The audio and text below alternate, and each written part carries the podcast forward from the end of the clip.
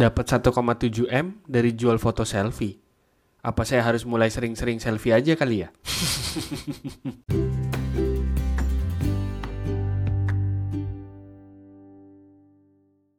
Halo teman-teman, kembali lagi dengan saya Yuda Basuki di podcast Belajar Bareng Finance. Kalau ngedengar opening tadi, jadi beneran kepikiran ya. Apalagi buat tipe-tipe orang yang kayak saya nih, yang nggak begitu suka selfie. Kalau ternyata bisa dijual segitu mahal, kayaknya rela deh tiap pagi, siang, sore, malam. Selfie 10 kali juga redo kayaknya. Hari gini, kayaknya semua orang udah tahu ya siapa Gozali ini. Saya yakin kamu yang dengerin ini juga pasti tahu. Gozali yang konsisten selfie setiap hari, nggak kayak kebanyakan orang yang update-nya di Instagram. Nah, Gozali ini update-nya di OpenSea, sebuah platform marketplace tempat jual beli NFT. Dan dari salah satu foto selfie-nya, itu ada yang laku 37,7 Ethereum. Yang kalau dirupiahin itu sih katanya sekitar 1,7 M. Dan dari kejadian si Gozali ini membenarkan penjelasan saya soal NFT di beberapa episode sebelumnya. Bahwa NFT itu bentuknya nggak harus gambar-gambar art, desain grafis, ilustrasi, kayak yang pertama kali kita lihat di awal-awal ngetrennya. Nggak harus. NFT ini bentuknya bisa apa aja. Karena yang dijual adalah copyrightnya, kepemilikannya. Nah, seperti kasus Gozali ini, dia jual foto selfie-nya. Copyright ketika pemilikan atas foto selfie-nya. Atau kalau kalian mungkin sempat tahu juga, itu ada mahasiswa ITB yang jual foto rektornya di NFT. Nggak tahu tuh gimana kelanjutannya. mungkin nanti itu bakalan ada tuh yang update foto makanannya sehari-hari. Terus dijual di OpenSea atau foto-foto lainnya. Bisa jadi nanti akan ada pergeseran tren dari yang biasanya itu jual foto itu di website kayak Shutterstock misalnya ke ke OpenSea yang bentuknya NFT gitu. Tapi balik lagi kayak penjelasan saya di episode sebelumnya. NFT ini itu tidak sebatas di foto-foto aja. Kamu bisa jual apa aja. Asal ya jangan jual foto selfie plus KTP aja ya. Apalagi fotonya foto orang lagi. nah, karena saya juga penasaran, gimana sih caranya, cara kerjanya jual beli NFT ini? Saya sampai bikin tuh account OpenSea kemarin. Jadi ternyata kalau kamu mau jual atau mau beli NFT di OpenSea, itu kamu harus punya dulu tuh dompet Ethereum-nya. Iya, alat alat tukarnya yang dipakai di sini tuh Ethereum.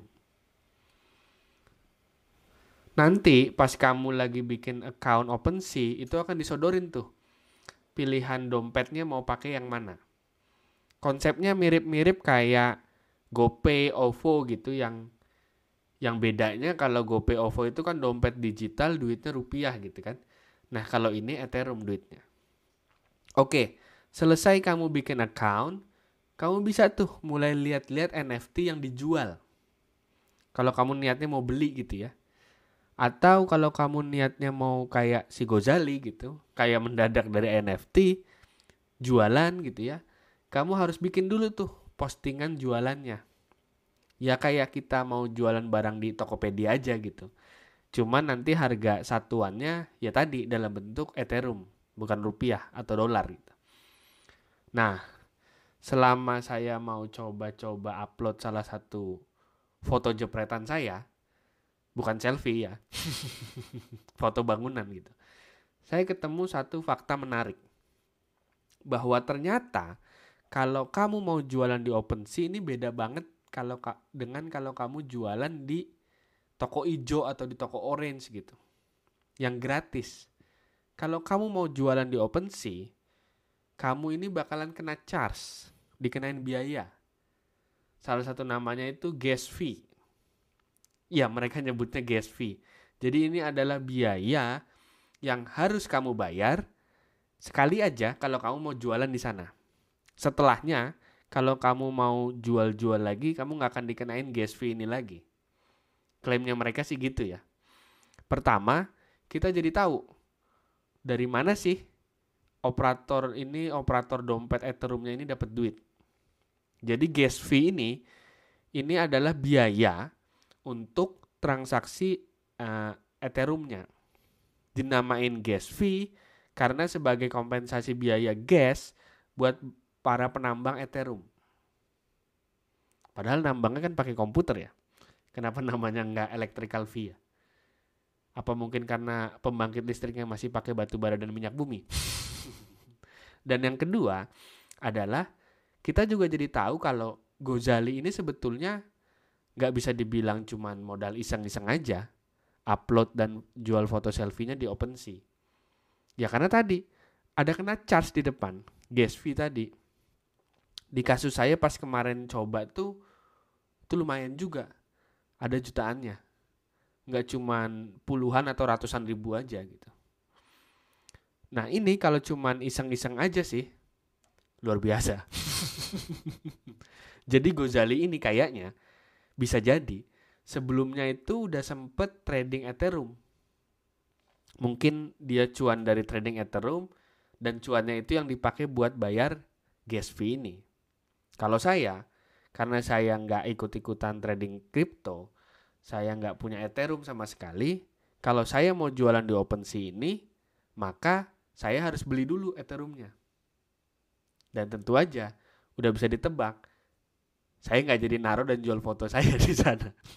Karena setelah dipikir-pikir, kayaknya foto saya nggak cukup unik untuk dibeli orang deh. Alasan, padahal sayang aja harus keluar duit segitu untuk jual foto yang belum tentu laku. dan setelah saya cari tahu lagi, ternyata ada lagi yang namanya biaya transaksi. Jadi kalau di OpenSea itu ada biaya awal untuk initiate account sekitar 70 dolar sampai 300 dolar. Dan pemberian akses ke NFT ini sekitar 10 sampai 30 dolar. Dan terakhir itu ada juga commission fee sebesar 2,5 persen dari harga saat NFT yang kamu punya itu terjual. Dan kalau kita lihat biaya-biayanya sih, jujur jadi agak mikir lagi. Trading NFT ini nggak nggak bisa benar-benar mulai dari iseng-iseng aja. Kecuali kalau kamu emang punya budget nganggurnya gitu ya.